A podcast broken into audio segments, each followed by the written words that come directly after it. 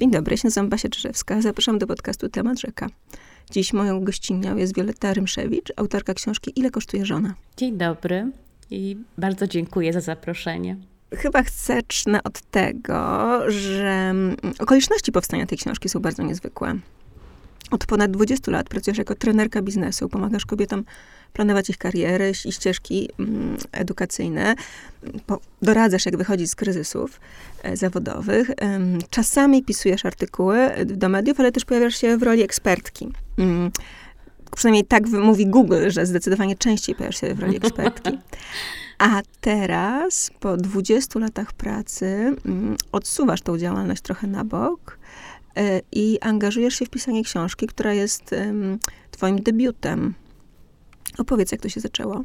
E, rzeczywiście jest tak, że mm, właściwie od momentu, kiedy skończyłam studia, zawsze chciałam w życiu zawodowym robić dwie rzeczy: uczyć i pisać.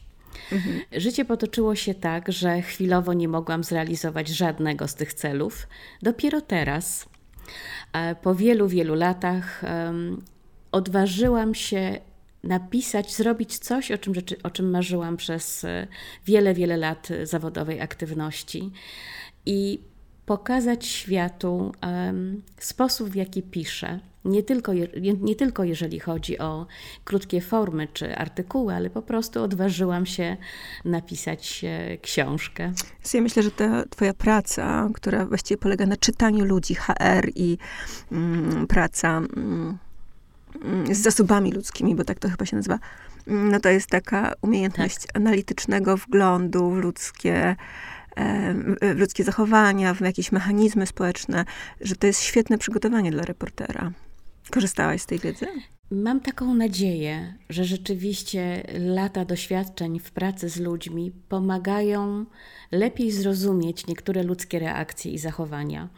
Mam też e, przygotowanie czysto teoretyczne, dlatego że z wykształcenia jestem psychometrą, między innymi psychometrą i na czym ten, polega psychometria? Brzmi to może psychometria, mówiąc najprościej, polega na um, testowym sprawdzaniu kompetencji, osobowości mhm. i zdolności człowieka.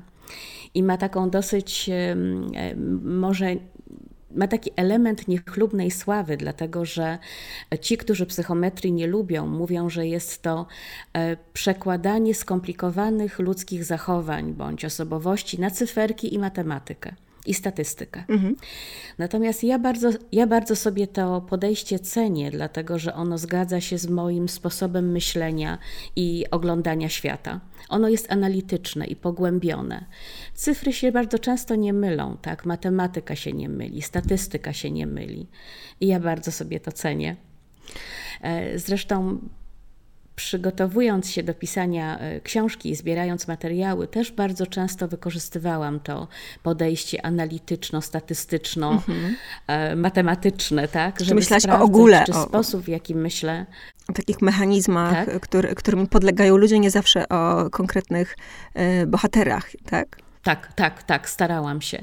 Starałam się iść w obiektywizm, pisząc tę książkę, tak bardzo, jak było to możliwe, tak? A, a ten Ale... obiektywizm właśnie moim zdaniem gdzieś tam te cyferki zapewniają. Mhm. Violetta, zacznijmy od początku. Jak trafiłaś na temat? Temat po raz pierwszy gdzieś tam urodził się w głowie w 2018 roku, więc dość dawno temu. E, I miał związek z moimi osobistymi doświadczeniami. Mianowicie wtedy, jako kobieta prawie 50-letnia, e, wymarzyłam sobie nowe studia, nową specjalizację. I postanowiłam, że żeby odejść trochę od utartych ścieżek, skończę studia za granicą. Mhm. Pojechałam na Uniwersytet w Cambridge, spotkałam nowych ludzi, e, posłuchałam innych punktów widzenia.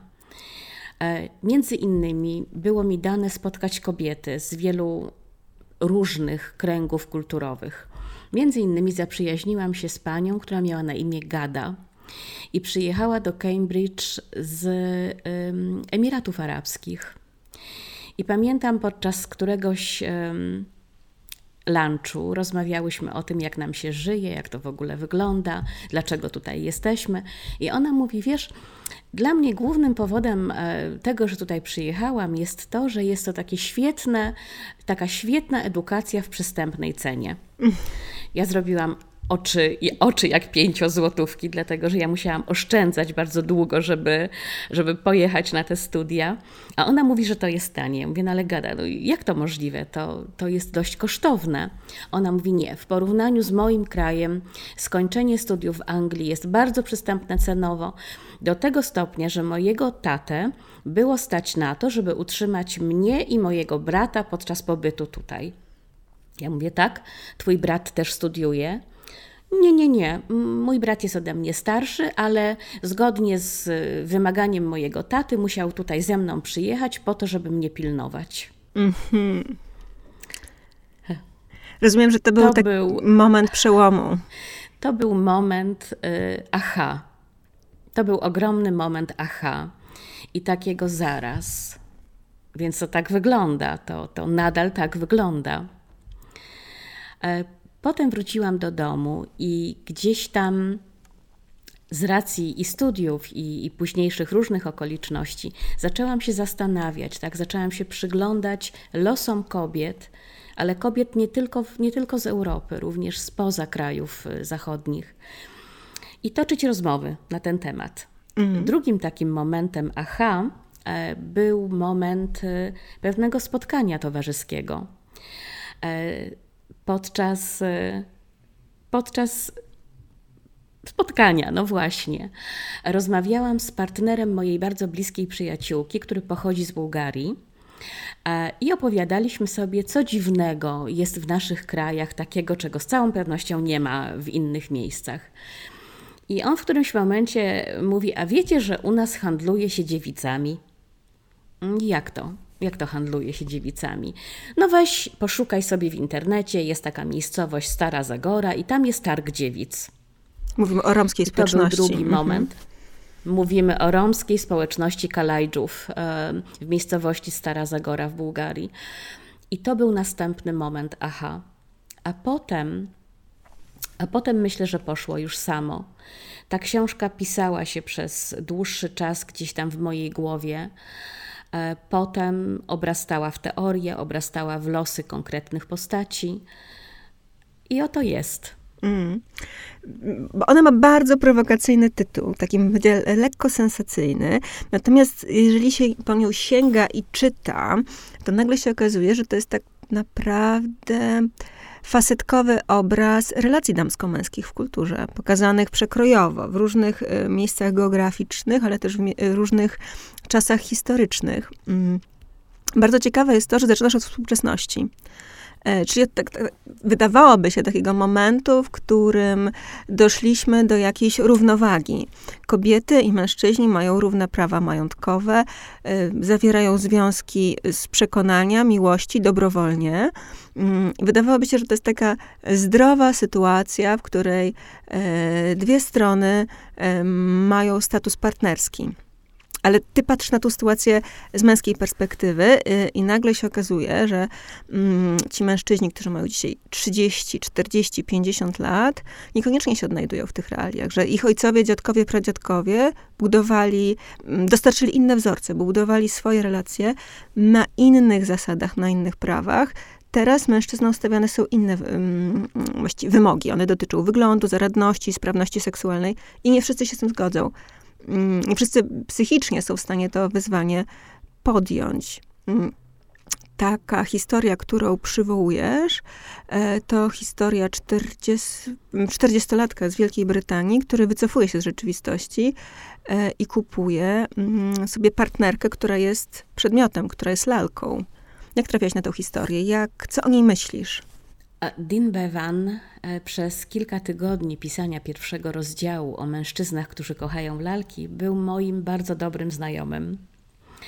Y, tak naprawdę przeczytałam i sprawdziłam wszystko, co się Znaczy nie spotkałaś się z nim osobiście, I... to musimy zaznaczyć. Że... Jeszcze, tak, tak, jeszcze nie spotkałam się z nim osobiście, aczkolwiek zdradzę, że tego typu plany są okay. i mają jakiś tam związek z moimi następnymi e, zamierzeniami zawodowymi.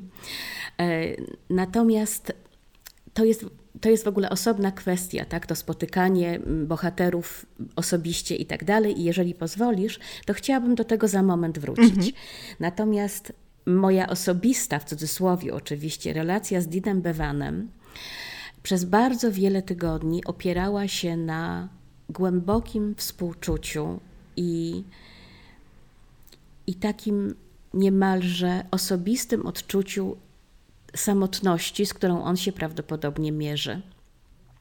Dlatego, że uważam, że w momencie, kiedy mężczyzna decyduje się na związek w cudzysłowie z lalką z silikonu bądź seks-robotem, musi to być mężczyzna bardzo mocno um, wycięty z rzeczywistości i odrealniony, i prawdopodobnie samotny w takim, w takim stopniu, który no, budzi moje ogromne, ogromne, ogromne współczucie.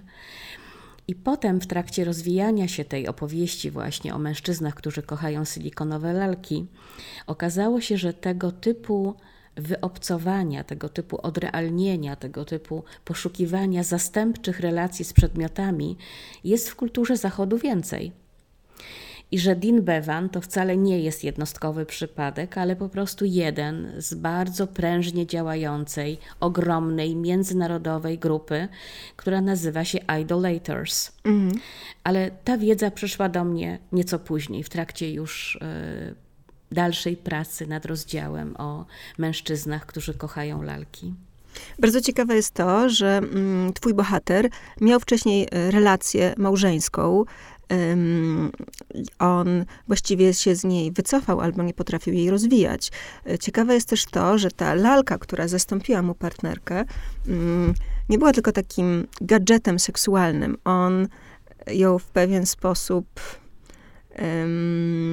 no właśnie, jak to nazwać? Wprowadzał do rzeczywistości, oglądał z nią telewizję, wychodził w przestrzeń publiczną, miał taką dużą potrzebę odtwarzania e, prawdziwego życia, albo tego życia, które uważamy za, za, za prawdziwe, właściwe, mm, z nią jako e, e, uosobioną partnerką takie badania prowadzone nad motywami, dla których mężczyźni wybierają silikon bądź seks robota, E, były prowadzone i te mm, i wnioski z tych badań są absolutnie, powiedziałabym, wstrząsające.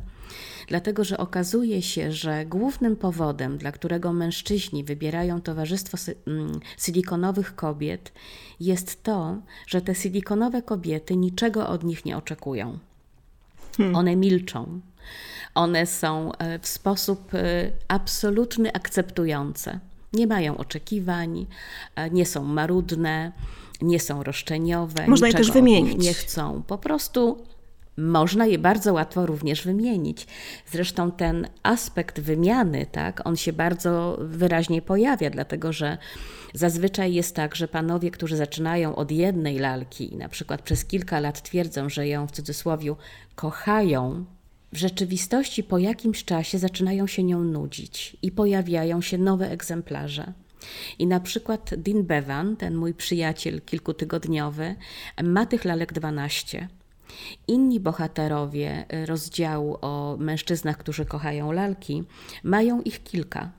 Mhm. Oni, jeden z bohaterów tego rozdziału, bardzo znany zresztą w środowisku Idolators, Dave Cut, ma ich e, kilka i każda z tych partnerek silikonowych ma inną funkcję do spełnienia.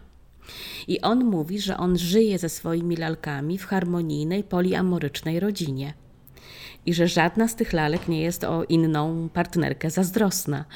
Wobec tego tutaj jest taki, to jest zadziwiające, dlatego że oni, oni rozwijają taką dynamikę relacji, jakie, jaka ma miejsce w normalnych związkach, ludzkich związkach, tak? czyli nudzą się partnerkami, seks staje się mniej fascynujący niż na początku i szukają odmiany po prostu, nowych rodzajów stymulacji, nowych twarzy, nowych postaci i tak.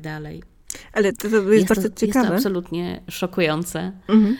To jest bardzo ciekawe, bo choć te realia są fantazyjne, to okazuje się, że emocje są bardzo prawdziwe, więc zastanawiam się, tak. czy, mm, czy to nie jest jakaś wizja z przyszłości, trochę jak film um, Spike'a Jonesa, um, Hair którym mm-hmm. głos tak. był tak naprawdę, tak. E, tylko był, to była taka bardzo subtelna sugestia mm, tego awatara, którym, w którego wcieliła się Scarlett mm-hmm. Johansson. Ale być może właśnie to jest jakaś ścieżka przyszłości za 5, 10, 25 lat. To, co wiemy dzisiaj, w 2022 roku, o zjawisku mężczyzn, którzy kochają silikonowe lalki i seks roboty, to to, co wiemy, to to, że mamy do czynienia z całkiem poważnym fenomenem społecznym. I badacze, różni badacze, i tacy, którzy zajmują się aspektami prawnymi tego typu relacji, gdzieś tam na styku robot-człowiek, i psychologowie, i etycy, i tak dalej, i tak dalej. Oni wszyscy, kiedy mówią o digisexuality, bo tak się nazywa ten, ta relacja człowieka i na przykład robota, oni wszyscy mówią, że dzisiaj jest bardzo trudno przewidzieć, jak bardzo niebezpieczne i w jaką stronę mogą pójść wszystkie relacje um, na styku ludzkie emocje i sztuczna inteligencja. E, szacuje się, że w ciągu najbliższych 10 do 15 lat co czwarty dorosły mężczyzna tylko w Stanach Zjednoczonych zdecyduje się najpierw na zakup tańszej lalki z silikonu, a potem droższego i bardziej zaawansowanego seks robota. Czy są jakieś badania dotyczące kobiet? Czy to ma jakąś lustrzaną wersję? Ja myślę, że to jest w ogóle fascynujący, osobny temat na inny materiał, tak? Na inne badanie, e, żeby odpowiedzieć krótko, tak, to ma swoje, to ma swoje, ma swoje odpowiedniki, ale co zaskakujące, ten, to zjawisko u kobiet idzie w kierunku kochania lalek przypominających dzieci, maleńkie dzieci. E, część kobiet oczywiście szuka spełnienia seksualnego z mężczyzną z silikonu, ale jeżeli chodzi o statystyki, to jest to stosunkowo niewielki, niewielki ułamek tak, tego hmm. zainteresowania, które płynie ze strony mężczyzn. My szukamy innego rodzaju emocji, chociaż oczywiście są kobiety, które, które kupują męskie substytuty e, obecności, tak? E, czy jakieś e, silikonowe wersje mężczyzn. Takie kobiety oczywiście też się zdarzają. Natomiast przemysł związany z, pro, z, produk z, produkcją lalek z silikonu i seks robotów jednak nastawia się na mężczyzn, prawda? I zresztą to, jak te lalki wyglądają, to, że one, e, one mają ogromne biusty, są bardzo szczupłe, stosunkowo niskie, mają ogromne, pełne usta, wielkie oczy itd., tak itd., tak to też wynika z tego, że mm, firmy zajmujące się zaspokajaniem tego typu potrzeb robią badania dotyczące oczekiwań mężczyzn, którzy szukają tego rodzaju stymulacji. Druga grupa takich mężczyzn, którzy są być może trochę młodsi, ale czują się odrzuceni i nie chcą brać udziału w, tym, mm, w tych zawodach, w tym polowaniu na partnerkę, to tak zwani incele. E, ty ich nazywasz w swojej książce no przegrywami. E, I to są mężczyźni, którzy na brak, na nieumiejętność nawiązania relacji romantycznej, seksualnej reagują agresją. Opowiedz o tej grupie. Incele to jest e, dość spora, międzynarodowa, nie tylko europejska, dotycząca dosłownie całego świata, grupa mężczyzn, którzy i tu zaryzykuję uproszczenie, ale myślę, że ono jest potrzebne. To jest grupa mężczyzn, którzy nienawidzą kobiet. I z tej nienawiści do kobiet uczynili sobie rodzaj um, manifestu światopoglądowego. To jest grupa mężczyzn, która uważa, że każdemu mężczyźnie, nie tylko białemu, oczywiście biali uważają, że białym najbardziej, mężczyźni o innych kolorach skóry uważają wprost proporcjonalnie. Natomiast oni mają takie głębokie przekonanie, że każdemu dorosłemu mężczyźnie, który tego, który tego potrzebuje, należy się kobieta. I oni tę przynależność, Ale to jest taka przynależności te, przepraszam, że ci przerywam znowuż, ale to jest taka konserwatywna wizja, której oni nie biorą um, z czystej frustracji, tylko oni odwołują się do przeszłości, prawda? Oni mówią, że wcześniej świat był tak zorganizowany, że właśnie żonę można było sobie wybrać, że mm, małżeństwa były aranżowane, że mm, te pary e, łączyły na przykład, były łączone przez rodziny albo społeczności. W związku z tym oni chcą pewnego powrotu do e, świata, który, którego już nie, nie ma. Zdecydowanie tak. Zdecydowanie tak. Zresztą cała filozofia, dlatego że grupa Inceli to jest grupa, która ma własny język, własną filozofię, własny światopogląd. Oni mają własnych mistrzów i bohaterów. To, to jest bardzo skomplikowany, bardzo skomplikowany y, fenomen społeczny, międzynarodowy, ogromny fenomen społeczny i ogromny problem społeczny. I żeby odpowiedzieć na Twoje pytanie, rzeczywiście tak jest, że oni bardzo by sobie życzyli, żeby cofnąć czas o jakieś no, przynajmniej 70 lat e, do momentu, kiedy to mężczyzna wybierał kobietę, e, ewentualnie walczył o nią z jakimś tam innym kolegą czy kimś innym, jakimś innym chętnym, ale te metody, w cudzysłowie, oczywiście, prawda, walki, one były jasno określone i jasno znane. Mhm. Wygrywał albo najsilniejszy, albo najprzystojniejszy, albo taki z największą perspektywą. A w przypadku kobiet mniej atrakcyjnych, no po prostu po kobietę się sięgało, tak? Wybierało się kobietę odpowiednio mniej atrakcyjną niż e, oblegane na, na rynku małżeńskim i po prostu, po prostu ona była, ona była w zasięgu ręki. A dzisiaj razem z rozwojem ekonomii, razem z rozwojem edukacji kobiety się usamodzielniły i okazało się, że wchodzenie w związki, nie tylko w małżeństwa, ale również w związki czy w relacje z mężczyznami, no to niekoniecznie jest już dla współczesnych kobiet opcja, która jest godna rozważenia. Kobiety mają tyle innych możliwości realizowania samych siebie bez kontekstu pozostawania w związku z mężczyzną, że bardzo chętnie z tego korzystają. I to jest dla inceli ogromny, ogromny problem ta grupa, jak podkreślasz, analizując kolejne osobowości albo takie właściwie postacie e, wiodące dla, dla, dla tej społeczności, ta grupa jest szczególnie niebezpieczna, dlatego że jest zamknięta, mm, porozumiewa tak. się przy pomocy internetu i właściwie karmi tak. się taką swoją wzajemną frustracją. Tam nie pojawia się żadna próba zrozumienia swojego położenia albo rozwiązania jakichś problemów, które często mają naturę psychologiczną albo są związane na przykład z jakimiś kompleksami związanymi z wyglądem, czy ze sposobem, w jakim mhm. dane osoby zostały wychowane. Mm, tylko właściwie ten, ten kontakt sprawia, że ta frustracja i agresja narasta i znajduje ujście w postaci takiej jawnej przemocy. Postać, którą przywołujesz, to jest Elliot Roger, mhm, chłopak, który e, nie, nie umiejąc rozwiązać swojego e, wielkiego życiowego problemu i właściwie e, odrzucenia, mm, które ze strony kobiet, dziewczyn, ale też przyjaciół, właściwie przyjaciół, których nigdy nie miał, czyli cały czas aspirował do jakiejś, nawet na przykład poszedł na studia przez dwa i pół roku, oczekiwał, że to słynne studenckie życie wreszcie się wydarzy i każdego dnia przeżywał rozczarowanie. Mm, no, finał jego jest taki, że on po prostu dokonał zbiorowego mordu, a na końcu popełnił samobójstwo. Tak. Stał się też flagową postacią dla Inceli, takim właściwie męczennikiem e, za ich sprawę. Tak.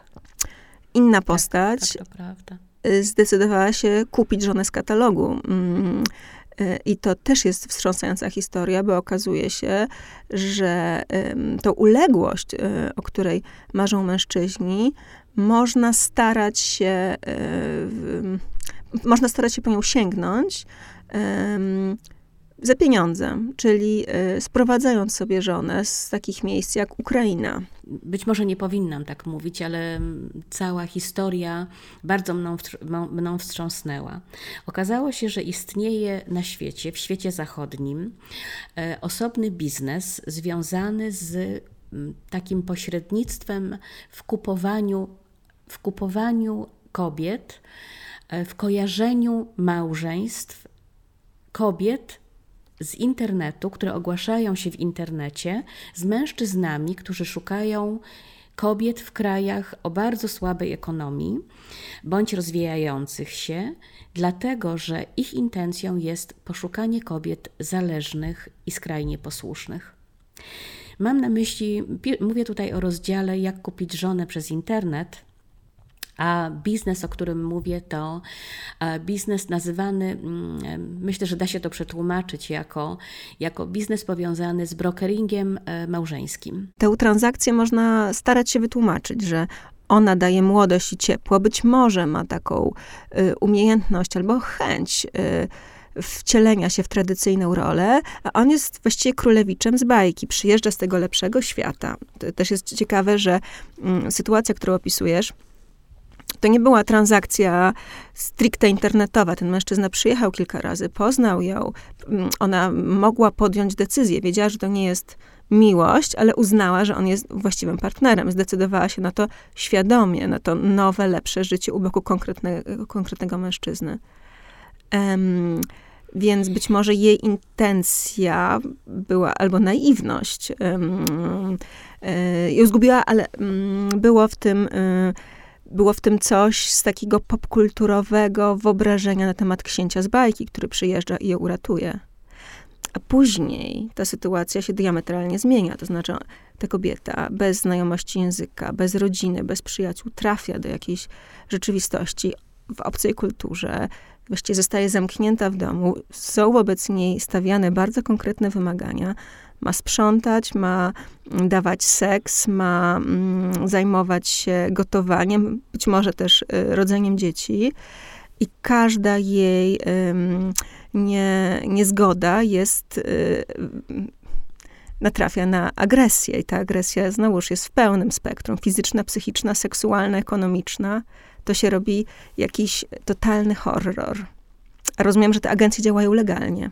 Agencje działają legalnie, aczkolwiek od 2000, jeżeli dobrze pamiętam, czwartego roku i takiej e, szokującej sprawy, która skończyła się e, usiłowaniem morderstwa, uwięzieniem, straszna historia. Nie będę wchodzić w szczegóły, bo liczę na to, że czytelnicy poszukają e, tej opowieści w książce.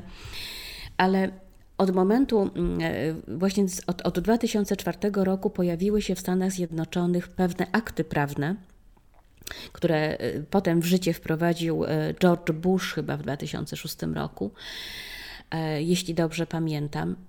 One działają legalnie i są obwarowane jakimiś ustawami prawnymi, tak? Czy, czyli nie wolno im wszystkiego, ale mimo to wolno im na tyle dużo, że proceder tego kupowania żon za pomocą internetu, on kwitnie. I obawiam się, że wszystkie nieszczęścia, wszystkie łzy, które przyniosła właśnie ostatnio wojna w Ukrainie, e, tylko ten ból i te łzy i to rozczarowanie, jeżeli chodzi o, o właśnie kupowanie młodych kobiet w krajach o szczególnie trudnej sytuacji, czy politycznej, czy ekonomicznej, że ten proceder tylko będzie się rozwijał. Natomiast ja chciałam mm, powiedzieć może jedną ważną rzecz, że tym, co mnie uderzyło e, w świadectwach kobiet, które zdecydowały się wyjść za mąż za nieznanych mężczyzn z Zachodu, była taka jedna myśl, która bardzo mocno mną wstrząsnęła. Te kobiety bardzo często mówią, że one nie mają złudzeń e, co do małżeństwa i miłości one nie spodziewają się, że małżeństwo e, przyniesie im miłość.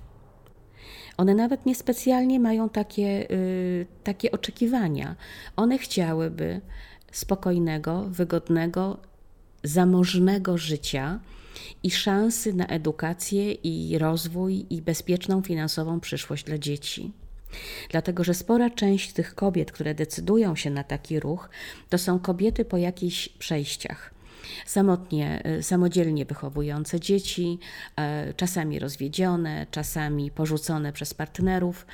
I myślę, że te kobiety, które mają na utrzymaniu dzieci w takich burzliwych i muszą przetrwać w bardzo burzliwych, czy ekonomicznych, czy politycznych warunkach, te są w najbardziej ryzykownej sytuacji i te są postawione przed najbardziej dramatycznymi wyborami. I właśnie te kobiety bardzo często mówiły, że one nie spodziewają się miłości. One nawet nie, nie mają takich oczekiwań, żeby razem z małżeństwem przychodziła do nich miłość. One chcą, żeby ktoś się nimi zaopiekował i dał im poczucie bezpieczeństwa w życiu. Dla mnie to były absolutnie dramatyczne świadectwa, e, które mm, ogromnie mną wstrząsnęły, że nie zawsze w małżeństwie chodzi o miłość.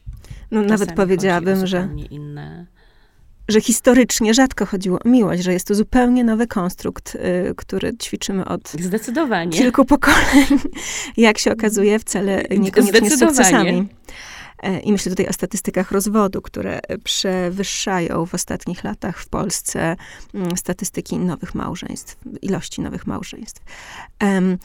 Teraz myślę sobie, że mm, te, y, te informacje, które zbierasz na temat różnych takich zdegenerowanych y, y, form małżeństwa w tym właśnie nowym, w tym, w tym nowym rozkładzie sił, w którym kobiety są partnerskie silne, łatwo zakwalifikować do takiej, mm, do takiego zjawiska, że skoro kobiety rosną w siłę, mężczyźni nie mogą sobie z tym poradzić, oto kryzys małżeństwa, same jesteśmy sobie winne, czego się spodziewałyśmy. Ale y, ty robisz bardzo ciekawy ruch, bo przesuwasz się na mapie do takich y, miejsc, gdzie mm, Współcześnie cały czas kultywowane są tradycyjne formy, takie, które znamy e, jakby z naszej kultury sprzed kilku pokoleń, czyli małżeństwa aranżowane, zawierane przez rodziny, właśnie ze zdrowego rozsądku, a nie z miłości, która ma być czymś ulotnym e, i trochę naiwnym, w każdym razie na pewno nie, nie solidnym fundamentem do budowania sobie życia. I okazuje się, że tutaj przy tej dysproporcji, to znaczy przy, w sytuacjach, kiedy kobiety nie mają czegoś takiego jak e, mocna sytuacja finansowa, prawna, kiedy mają oddawać się pod opiekę mężczyzn i zajmować się domem, te relacje wcale nie są zdrowe. E, mhm. Dochodzi do bardzo wielu nadużyć, wręcz zbrodni, a mhm przykłady zbierasz właściwie z całej mapy. Z Chin, z Indii, e, właśnie z Bułgarii. E, I szczególnie uderzający jest sposób traktowania wdów, czyli kobiet, które mm, z jakiegoś powodu straciły mężów i w wielu kulturach, e, w hinduskich, ale też afrykańskich, nie znajdują, znaczy są uznawane za kobiety przeklęte, z którymi wiąże się śmierć, w związku z tym mogą być niebezpieczne, bo mogą nieść tą śmierć ze sobą dalej, e, w cudzysłowie, w życie mm, innych, innych mężczyzn i innych osób. E, z tymi kobietami wiąże się według ciebie przede wszystkim zagrożenie ekonomiczne. Ktoś je musi utrzymywać. One są ciężarem, być może dla rodziny zmarłego męża, a być może rodziny, z której wyszły, która znowuż musi je przyjąć. Stąd mm -hmm. różne sposoby prześladowania ich i degradacji.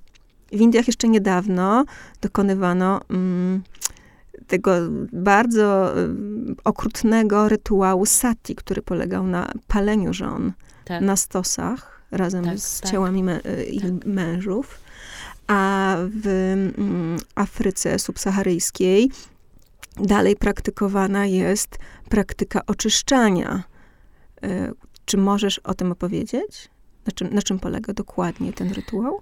praktyka, praktyka oczyszczania wdów. Tak.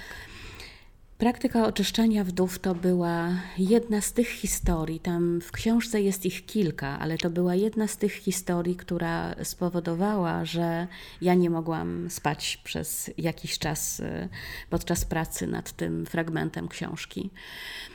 E, niektóre, niektóre ludy w Afryce e, głęboko wierzą, że kiedy kobieta traci swojego męża, staje się kobietą przeklętą.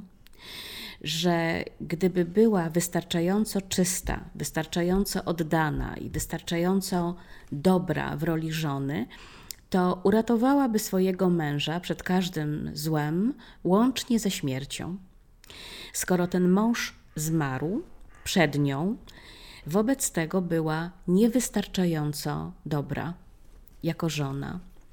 I w związku z tym na pewno niesie ze sobą jakiś rodzaj przekleństwa. I żeby pozostała bezpieczna dla lokalnej społeczności, należy ją z tego zła, które, którego jest nosicielką, i z tej śmierci, której jest nosicielką, należy ją oczyścić. Praktyka oczyszczania wdów polega na rytualnym najpierw upokarzaniu takich kobiet, pozbawia się je e, ubrania, zmusza do, e, do, do spacerów poprzez wieś, właśnie zupełnie obnażone, takie e, bezbronne. Naraża się je w ten sposób na zbiorowe gwałty bądź no, bądź przemoc w najczystszej postaci. Takie kobiety są obrzucane kamieniami, są, są obijane y, kijami, straszne rzeczy, ale najgorsze w tych praktykach oczyszczania wdów jest przekonanie, że tylko siła innego mężczyzny, seksualna siła innego mężczyzny jest w stanie oczyścić kobietę z przekleństwa śmierci. I to polega na tym, że taka kobieta jest zmuszana w niektórych przypadkach przez tydzień, czasami przez dwa tygodnie, do kontaktów seksualnych z mężczyzną, który bierze pieniądze za to, że w ten sposób ją oczyści. Że dając jej swoją własną seksualną siłę, e, po, oczyści ją z tego odium śmierci i tego, tej słabości, tego, tego przekleństwa, które ona w sobie nosi. I ta wiara, że mm, kobieta jest słaba i tylko siła mężczyzny, innego mężczyzny może ją, e, może ją oczyścić ze zła, które w sobie nosi, ona jest przekonaniem bardzo, bardzo do dziś powszechnym, właściwie w całej Afryce subsaharyjskiej, ale nie tylko dlatego że te motywy pojawiają się w Bangladeszu, w Indiach, w Pakistanie. E, I, I przyznam ci się, że również w bardzo zawoalowany sposób i oczywiście ucywilizowany sposób, również w Polsce. W jaki sposób? Na przykład w takim oczek- na przykład w oczekiwaniu, że kobieta, niezależnie od wieku, kobieta wdowa będzie nosiła czerń. Mm. To jest moim zdaniem ta, ta czerń e, na ciele wdowy jest rodzajem stygmatu. Tak? Kobieta miała, kobieta powinna mieć prawo do tego, w jaki sposób przeżywa żałobę, manifestując tę żałobę czernią, bądź zachowując ból dla siebie. E, natomiast takie społeczne oczekiwanie jest takie, że kobieta wdowa to jest kobieta, której, której życie się skończyło w momencie, kiedy odchodzi mąż. I zresztą nawet język polski ma, takie, ma do wdów taki stosunek ambiwalentny, tak? Jest takie pojęcie, które czasami się pojawia w języku potocznym, jak wesoła wdówka to przecież ta kobieta, która pomimo utraty męża chce żyć nadal. Mm. Tak, chce korzystać, nie wiem, z jakiejś tam radości życia. W powszechnym rozumieniu to jest wesoła wdówka, to jest kobieta, która nie chce płakać na grobie męża do końca swoich dni. Bardzo mnie te historie y, kobiet stygmatyzowanych, dlatego że zostały wdowami, one mnie bardzo, bardzo, bardzo poruszyły. Symboliczny jest też fragment, który nie wszedł do książki, um, który gdzieś tam wypłynął w naszej rozmowie, a mianowicie historia księżniczki Pocahontas. Jak się okazuje, to nie jest tylko bohaterka disneyowskiej bajki, ale faktyczna postać, która w XVII wieku przypłynęła do Londynu z Ameryki. I o ile Disney i kultura, mm, popkultura zrobiła z niej wielką bohaterkę, o tyle mm, naprawdę była to ofiara kolonializmu i męskiej przemocy. Ty przyjrzałaś się jej e, biografii i znalazłaś tam bardzo wiele takich symptomatycznych punktów, które wiele mówią o e, właśnie o tym, jak maskujemy pewne mity, przekazując je z pokolenia na pokolenie i zatracamy prawdę, albo nie chcemy jej znać, więc ją tuszujemy i, i przepakowujemy. Opowiesz o niej? Tak, oczywiście. E, Pocahontas to była moja kolejna e, wielka przyjaciółka. E, czytałam o niej, szukałam informacji na jej temat podczas pisania rozdziału o kobietach zamawianych przez internet. Pocahontas była mówimy o niej, że była księżniczką, natomiast ona w rzeczywistości nie była księżniczką, ona była córką jednego z wodzów, bardzo wpływowych wodzów z rejonu dzisiejszej e, Virginii, na których w XVI wieku osiedlali się pierwsi biali kolonizatorzy, e, którzy przypłynęli z Wielkiej Brytanii. E, w okolicach Jamestown, okolice Jamestown w tamtych czasach należały oczywiście do Indian, mm, do Indian i córką przywódcy sojuszu indiańskiego była właśnie Pocahontas. I teraz to, co zostało po Pocahontas, to, co badaczom amerykańskim zwłaszcza udało się ustalić, to to, że te legendy opowiadane i przetwarzane między innymi przez Disneya, że ona była ogromnie zakochana w kapitanie i tak dalej, że uratowała mu życie, no, to, to były piękne historie marketingowe rozprowadzane przez białych kolonistów na potrzeby mm, reklamowania y, nowego świata. W rzeczywistości najprawdopodobniej Pocahontas została porwana ze swojej rodzinnej osady, e, uwięziona e, w osadzie mm, Jamestown i zmuszona do małżeństwa z Anglikiem, kolonistą, który jako pierwszy, e, który miał o tyle silną pozycję w grupie, że jako pierwszy zorientował się, że uprawa tytoniu może być źródłem wielkiej fortuny. E, zachował się list w pamiątkach, który on wysłał do przywódcy Jamestown, w którym uzasadniał, że jeżeli pozwolą mu poślubić Pocahontas, to będzie wspaniała okazja, żeby biały mężczyzna wziął na siebie trud chrystianizowania dzikuski i przywracania jej cywilizowanemu światowi, do, do cywilizowanego świata zachodniego. Dla Pocahontas e, małżeństwo z Rolfem, bo tak nazywał się pan, e, bardzo źle się skończyło. E, wiemy, że urodziła mu syna. Wiemy również, że po trzech latach małżeństwa król zmusił małżeństwo do przypłynięcia na dwór angielski. Pocahontas stawiła się na dworze. Na dworze spotkała swojego, swoją domniemaną wielką miłość, czyli kapitana. E, ale niestety najprawdopodobniej, jak chcą badacze, nie wytrzymała, nie potrafi, jej organizm nie potrafił się przystosować do nowych warunków, do wirusów, do bakterii, które panowały w Anglii i bardzo poważnie zachorowała. Przypuszcza się, że mm, było to zapalenie płuc lub wręcz gruźlica. Mhm. Zmarła e, na terenie Anglii. Została pochowana w e, kościele, który spłonął w XVII wieku i do dzisiaj E, nie odnaleziono żadnych szczątków Pocahontas. Wiemy tylko, że jej ciało zostało na terenie obcego kraju, za oceanem. Nigdy nie udało się jej wrócić do domu.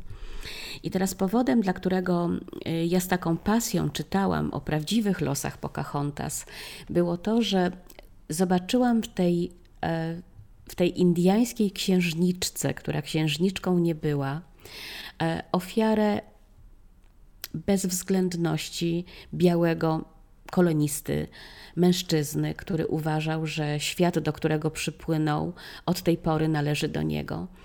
Dla mnie najbardziej symptomatyczne było to, że nikt nie spisał żadnych słów Pocahontas, tak jakby jej opinia bądź jej emocje, jej doświadczenia nie miały znaczenia.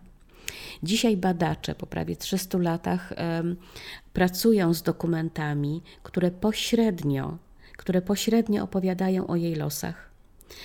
A myślę sobie, że Pocahontas to jest taki wielki symbol, taki wielki obraz, twarz mitu o cywilizowanych dzikusach Nowego Świata. Ale dla mnie osobiście była to, był to symbol wielu, wielu, myślę, zaryzykuje tysięcy bezimiennych kobiet, które traciły życie w imię jakichś wyższych męskich idei, tak? I wizji, z którymi e, przypuszczam, że jako kobiety po prostu nie miały specjalnie wiele wspólnego. Mm, no właśnie, bardzo dla mnie taka przejmująca postać, bardzo wzruszająca historia. muszę przyznać, że twoja książka była dużym wyzwaniem. To znaczy sięganie po nią wymagało takiej zdecydowanej wewnętrznej decyzji. Tak, te w tym momencie jestem w stanie wejść w kolejną historię, która będzie druzgocąca. Znowuż będzie przemoc, znowuż będzie ból, znowuż będzie cierpienie, samotność. Mm, ale to są bardzo, ponieważ te historie są prawdziwe, e, no to się robią bardzo ważne i wybrzmiewają w głowie. Zastanawiam się, jakie wnioski, bo ty nie stawiasz tych y, wniosków, nie, nie, dajesz odpowiedzi, ale jakie wnioski ty wyciągnęłaś jako autorka? Jak czułaś się po zamknięciu ostatniego rozdziału? Co się wyklarowało z tych e, poszukiwań, z, tych, z tej analizy kolejnych zbrodni i, i nadużyć? To jest, to jest, szczerze mówiąc, kolejne bardzo dobre pytanie na które ja, y, co jest smutne, nie mam jednoznacznej odpowiedzi. Jedyne, co mi przychodzi do głowy, to to, że chciałabym, żeby po lekturze tej książki, jeśli ktoś, jeśli czytelnik uzna, że, że warto ją przeczytać, jeśli dobrnie do końca, to dla mnie ogromną nagrodą, taką emocjonalną i intelektualną byłoby, gdyby gdyby pojawiła się myśl, że coś w instytucji małżeństwa nie działa. Że to jest taki koncept, który powstał ponad 4000 lat temu i dzisiaj, w 2022 roku, po prostu wymaga głębokiej reformy. Wymaga tego, żeby się zastanowić, czy my na pewno potrzebujemy instytucji małżeństwa do tego, żeby ludzie ze sobą żyli, kochali się, wychowywali dzieci. Czy na pewno trzeba relacje międzyludzkie ograniczać i ubierać w takie prawno, społeczno, moralno, nie wiadomo jakie tam ramy? Czy nie należałoby pozwolić ludziom po prostu być ze sobą tak długo, jak długo cokolwiek, cokolwiek ich ze sobą łączy, oprócz kredytu, prawa, E, ekonomii bądź takiego społecznego obowiązku, tak? Ja myślę, że to jest jedyny wniosek, który mi się wyklarował. Na wszystkie inne po prostu nie mam odwagi. Bardzo zależy mi na tym, żeby, po, żeby prowadzić czytelnika krok po kroku do jego własnego wnioskowania tak? i widzenia problemu. Bo może twoja Nic droga jeszcze. Na żadne inne. Mm -hmm. Bo może twoja droga jeszcze się nie skończyła. Wiem, że pracujesz nad drugą książką, właściwie drugą częścią, która przyjmie bardziej męską tak. perspektywę. Opowiedz coś o tym projekcie. Tak. E, jeśli pozwolisz, na razie zostawię to w... Owieję to tajemnicą. Okay. E, żeby, żeby rzeczywiście nie zapeszyć, ale faktycznie bardzo chciałabym przyjrzeć się męskim aspektom problemu. Tak? I to chyba wszystko, co, żeby nie zapeszyć, co jestem gotowa na ten moment y, powiedzieć o projekcie. No dobrze, to mi w takim razie wypada tylko zapowiedzieć premierę Twojej książki, która jest już 10 sierpnia. E, I trzymam kciuki. Powodzenia. Dziękuję. Dziękuję za rozmowę, dziękuję za możliwość spotkania. To była prawdziwa przyjemność. Dziękuję.